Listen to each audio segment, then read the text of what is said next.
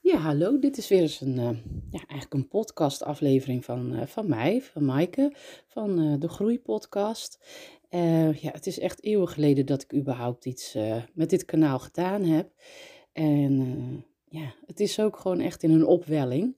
En dat komt, ehm, ja, ik krijg de laatste tijd heel vaak de vraag van mensen van hoe doe je dat? Hoe manifesteer jij dingen in je leven? Blijkbaar eh, kijken mensen van de buitenkant eh, zo naar mij dat ik het allemaal voor mekaar krijg. En ik moet ook wel zeggen dat ik heel blij ben met alles wat ik heb in mijn leven. Nou ja, alles is misschien een beetje veel gevraagd, maar echt met heel veel ben ik zo blij en dankbaar.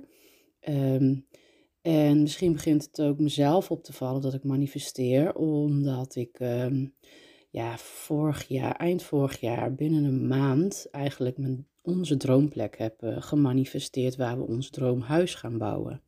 Een plek waar ik al heel mijn leven van droom. En ehm, nou goed, daar vertel ik eh, misschien een keer andere keer over. Maar ik wilde je eerst vertellen over ehm, waar ik vanochtend tijdens mijn ochtendwandeling over aan het nadenken was. En ik, liefst had ik toen al gelijk eh, mijn ideeën ingesproken. Maar ja, op de een of andere manier deed ik dat niet. Eh, en zit ik nu hier eh, voor mijn raam naar buiten te kijken naar een prachtige lucht. Ehm, want ik had toch het idee, ik moet eerst even de dingen op een rijtje zetten. Dus ik krijg de laatste tijd heel vaak de vraag, hoe doe je dat? Nou, mijn eerste tip is al gelijk, schrap de hoe.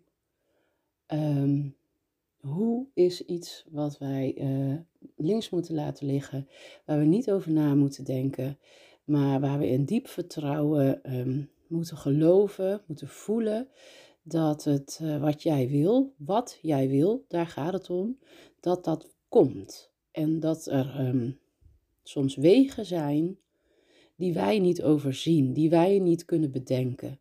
Maar dat die weg zich voor jou ontvouwt, terwijl je ehm, ja, toch elke keer vol moed de volgende stap zet, zonder te weten waar, waar je precies eh, naartoe loopt.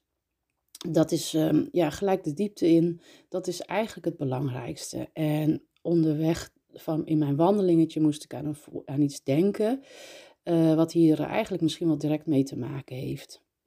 ik woon nu nog in Nune en ehm, ik kom hier helemaal niet vandaan. Ik ben eh, geboren in Noord-Holland, opgegroeid in Breda. En toen ik in Breda woonde, eh, zat ik op softbal. De, de, de eh, honkbal voor meisjes, zeggen ze dan, om maar even snel uit te leggen. En toen ik eh, acht, negen jaar oud was, eh, speelden wij al uitwedstrijden tegen Nune. En ik kan me nog zo goed herinneren dat elke keer als wij tegen Nune moesten spelen in Nune, dat wij door dat dorp reden naar het veld dat aan de rand van het dorp ligt. En dat ik elke keer blij was om Nune binnen te rijden. Dat ik heel erg onder de indruk was van Nune. Eh, terwijl het echt helemaal niet zo anders is als andere dorpen. En dat ik er altijd eh, bij dacht, oh, hier zou ik willen wonen. Dat dacht ik dus als kind al. En, ehm, en verder had ik ook echt niks met Nune. Ik kende niemand die hier woonde. Ik kwam hier alleen maar voor softbal. Ehm, en nu ik terugkijk, heb ik dus altijd ja, die wens uitgesproken van, goh, hier zou ik wel willen wonen. Dat plaatje had zich in mijn hoofd gevormd. Maar ik heb, misschien is het mijn karakter, misschien was het kinderlijke naïviteit. Ik heb er nooit achteraan gedacht, maar dat kan niet, want ik ken hier niemand. Of, eh, nou ja, noem maar op. Welke reden je af en toe tegen jezelf, ja, weet je, als wij iets willen, dan zijn er altijd honderdduizend redenen te bedenken waarom het niet zou kunnen lukken. Maar die gedachten had ik nooit. Ik dacht alleen maar, hier zou ik best wel willen wonen. En verder nooit echt actie ondernomen. Of ja, als kind sta je dan niet bij stil. Maar nu bleef een speciaal plekje in mijn hart houden. Ik werd gewoon altijd blij als ik hier binnenreed. Ehm, toen ik, even kijken, hoe oud was ik toen? Toen ik een jaar of 20, 21 was, werkte ik in Breda voor een Engels bedrijf. Eh, die glasvezel aanlegde. En ik was daar personal assistant van het managementteam. En we hadden ook een, eh, een eh, kantoor in Duitsland, die is net over de grens, in Greeveld. Eh, op, en ik, ik werkte daar echt met superveel plezier. Ehm, op een gegeven moment was er sprake van dat ons Nederlandse kantoor gesloten moest worden. Nou, daar baalde ik van, want ik had echt de leukste baan ter wereld, vond ik. En toen werd me aangeboden van, goh, als je echt wil, kan je mee verhuizen naar het kantoor in Duitsland. Maar ja, ik was nog best wel jong en um, ja, ik, zag, ik wilde wel heel graag die baan, maar ik zag het ook niet zitten om vier uur van mijn ouders vandaan of zo. Dat, ja, dat is dus drie uur denk ik rijden, drie uur van mijn ouders vandaan te zitten. En toen had ik bedacht uh, en besproken ook al van, goh, dan ga ik halverwege wonen. Zorg ervoor dat ik snel mijn rijbewijs haal en dan uh, rijd ik gewoon elke dag naar Krefeld toe. Maar ik kan ook zo bij mijn ouders zijn en bij mijn vrienden en bij mijn familie. Ik ben zo in Breda. Dus dat was het plan. En toen ging ik kijken wat ongeveer op de helft lag op, onderweg. En ik kwam weer bij Nune uit. En ja, mijn hart maakte echt een sprongetje. En ik moest al gelijk terugdenken aan het feit dat ik als kind zo vaak had gedacht: oh, hier zou ik wel willen wonen. Dus ik zag mijn droom helemaal uitkomen. Ik denk, ik ga voor dit bedrijf in Nune wonen. Ze zouden mij daar ook bij ondersteunen, hè, verhuis, uh, verhuispremie en dat soort dingen. En uh, dat gaat dus helemaal gebeuren. Maar uiteindelijk, lang verhaal kort, is dat niet gebeurd. En uh, is het uh, bedrijf helemaal weggegaan hier uit uh, West-Europa. ook het Duitse kantoor ging dicht. Ik weet eigenlijk niet eens meer hoe dat precies is gegaan, maar dat doet er niet toe. Dus aan de ene kant dacht ik, had ik natuurlijk kunnen denken, goh, mijn droom komt niet uit. Hè, dat in Nune wonen gaat niet door. Maar ik, ik kan me echt niet herinneren dat ik grote teleurstellingen daarover heb gehad of zo. Ik ben gewoon doorgegaan met mijn leven. En een goede andere baan begonnen, waar ik me ook weer verder kon ontwikkelen. Dus uh, ja, het ging niet door, punt. Dat was het eigenlijk. En het gekke is, of het, nou ja, ik geloof echt niet in toeval. Uh, drie, vier jaar later uh, leerde ik een jongen kennen op internet. Nou moet ik wel zeggen, ik heb het over 2000, even denken, 2002. Uh, dat lijkt, ja, voor sommigen is dat een eeuwigheid geleden en voor mij lijkt het gisteren.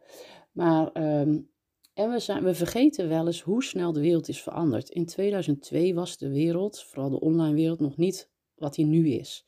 Uh, op internet gaan betekende dat je telefoonlijn bezet was. Weet je wel, dat je dus even je telefoonkabel achter je computer moest steken en in moest bellen. Da, da, daar was het internet op dat moment volgens mij nog. In ieder geval zo werkte het bij mij op mijn appartementje nog. Uh, er bestonden volgens mij nog geen serieuze dating sites of zo. Ik, uh, ik, het enige wat ik had was MSN. En uh, dat zal voor velen nostalgie oproepen.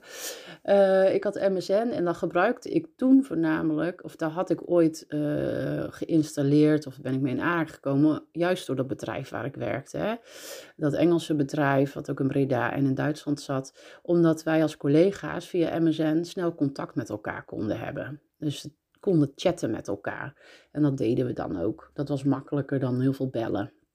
En dan hadden we ook wel heel veel lol op de chat. Dus het bracht ook hoop plezier tussen jonge collega's die in Duitsland, Nederland en Engeland zaten. Um, maar ik had dus MSN ook de jaren nadat ik weg was gegaan bij dat Engels bedrijf. Maar ik deed er volgens mij um, niet zoveel mee. Maar ik kreeg wel, uh, ja, blijkbaar had ik een openbaar profiel. Ik wist niet eens dat daar verschil in zat. En ik kreeg wel eens mailtjes van mensen die je dan benaderen. Maar dat waren heel vaak rare mailtjes met gekke voorstellen. Uh, ik zou me niet in detail treden, maar ik klikte ze altijd weg. En op een gegeven moment kreeg ik een mailtje van, van iemand, van een man, een jongen, die Laurens heette. En ik vind Laurens een hele mooie naam. En daarop klikte ik het mailtje wel open. En hij deed helemaal geen rare voorstellen, alleen dat hij uh, schreef dat, hij, uh, mij, ja, dat ik er leuk uitzag of zo. Of dat, hij, ja, dat ik hem aansprak, dat mijn foto hem aansprak. Uh, ik weet niet meer precies wat, maar het was niet uh, dat je gelijk denkt, oh, die heeft uh, verkeerde bedoelingen. En hij schreef zelf zoiets van, nou, als je iets meer van mij wil weten, dan klik op mijn ICQ. En dat was een voorloper van social media. ICQ-page was een, daar kon je een pagina aan, over jezelf aanmaken, maar het was ook helemaal statisch. Dus het was een soort sociaal cv. Je foto, je beschreef jezelf, wat je hobby's zijn, bladibla. Stelde ja, helemaal niet zoveel voor met uh, wat, we nu allemaal hebben. Dus ik keek op zijn ICQ-pagina en het uh, beviel mij ook wel wat ik daar zag. Dus zo kwamen wij via MSN in contact. En wat bleek, deze jongen, deze leuke jongen met die mooie naam die mij aansprak, En ik ben er nog steeds van overtuigd als die ehm, Richard of eh, ehm, Piet had geheten, namen die ik niet per se lelijk vind, maar niet aantrekkelijk vind, dat ik, dan had ik die mail nooit geopend. Dus door zijn naam heb ik die mail geopend. En toen bleek die jongen uit Nune te komen.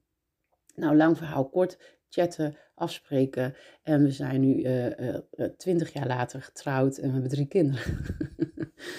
en het grappige is, omdat Laurens in Nune woonde, ben ik ook in Nune terechtgekomen. En zo is dat toch, is mijn kinderwens eigenlijk vervuld. En ik ben er nu, en dan moest ik vanochtend ineens aan denken toen ik hier aan het wandelen was. Want uh, de, de lucht was heel mooi paars en roze, oranje, weet je wel. De zon kwam op. Het was echt een prachtige lucht. En ergens, ja, er waren al twee van de drie kinderen waren al wakker. Ik zei, ja, jongens, even lief zijn, even je eigen ding blijven doen. Mama gaat even een half uurtje buiten wandelen. Dus ik ging wandelen en onderweg dacht ik van, goh, over een jaar ja, of over een tijdje woon ik niet meer in Nune. Uh, ga, we, gaan verhuizen naar eh, Eindhoven, waar we onze droomplek gevonden hebben. En dan gaan we een nieuwe toekomst tegemoet. En toen ineens moest ik eraan denken hoe ik in Nune terecht ben gekomen en wat voor bijzondere band ik altijd met Nune gevoeld heb. En, um, ja, en ook over het feit dat de mensen de laatste tijd zo vaak aan mij denken: hoe doe je dingen? Ja, ik wil echt zeggen, laat de hoe los. Werk aan je vertrouwen, aan je innerlijke vertrouwen in het, eh, in het grote geheel. Dat, dat de weg zich ontvouwt zonder dat je precies weet hoe. Want de hoe is niet aan ons. Dat is van de grotere krachten en machten en wetten. Um, het enige uh, waar jij je op mag uh, focussen is op de wat. Wat wil jij nou echt? Wat wil jij nou echt? En hoe voel jij je erbij als je dat mag hebben, als het van jou is? Stel je eens voor hoe het is om dat zo te hebben. Ehm, of als die omstandigheden er zijn waar je zo diep naar verlangt. Uh, dus ja, gooi de hoe overboord. Dus uh, uh, ja, dat is eigenlijk wat ik voor nu met je wil delen. Er zijn nog veel meer verhalen die je kan delen over waarvan ik denk dat ik ze echt gemanifesteerd heb in mijn leven, zonder dat ik me daar bewust van was. Maar waar ik nu wel het inzicht over heb, nu, nu ik terug kan kijken, want dat zeggen ze altijd, als je in het nazien is het altijd makkelijk praten, maar dat is niet altijd zo. En misschien is dat ook een mooie opdracht. Um, kijk eens naar je leven. Wat heb jij in je leven waar je wel intens gelukkig mee bent? Wat heb jij uh, ja, gemanifesteerd in je leven waarvan je weet dat is wat mij toekomt en daar ben ik dankbaar voor en dat zou ik nooit meer los willen laten. Zo mag het altijd zijn. Er zijn, al is het maar iets heel kleins eh, of iets heel groots, kijk eens naar wat dat is voor jou in jouw leven, wat er nu al is. Probeer dan, als je daarachter bent gekomen, eens te kijken, terug te denken van hoe is dit in mijn leven gekomen? En reflecteer daar eens op. Nou, ik, ehm, ik ben blij dat het uh, gelukt is om de, dit uh, binnen 15 minuten uh, met jou te delen. En ik weet niet of er nog meer komen, maar nu voelde ik, ik moet iets inspreken en ik kan het op mijn podcast kwijt, podcastkanaal kwijt. Um, ja, ik had eerst zo, oh, ik ga die tekst helemaal uitschrijven in mijn blog. En toen bedacht ik ineens, oh ja, mijn website, uh, ik heb iets gedaan op mijn website waardoor die helemaal uh, vastgelopen is en ik het niet meer teruggedraaid krijg. En dat is al een jaar zo, geloof ik, of een half jaar. En ik heb ook echt geen zin om daar moeite in te steken om het te fixen. Dus dat zal ook wel een reden hebben. En toen dacht ik ineens, oh, dus ik heb geen medium meer om dat te delen, want het is te veel om even een post van te schrijven. En toen dacht ik ineens, spreek het in, Maak er een podcastaflevering van en deel dat via je social media kanaal. Dus bij deze. Nou, ik wens je een mooie dag en ik hoop dat ik je genoeg heb om mee te, uh, meegegeven heb om uh, eens uh, flink over na te denken. En um, zie het niet als een moeten, als iets met weerstand en tegenstand. Dit proces moet juist, ehm, of mag juist met heel veel plezier en moeiteloosheid. Heb plezier in het bedenken wat dat is in jouw leven. En heb plezier in het terugkijken hoe jij dat gemanifesteerd hebt. Um, want in het nazien kan je eens naar de hoe kijken. Hoe zijn dingen tot je gekomen? Um, maar voor de toekomst geldt dat dus niet. Dus focus op wat. Gooi de hoe maar overboord. Nou, ik hoor het wel als je vragen hebt. Stuur me een mailtje. Hello at Of nou ja, weet je, als wij in contact moeten komen omdat je vragen aan me hebt, dan vind jij je weg wel. Ik wens je een mooie, stralende dag toe.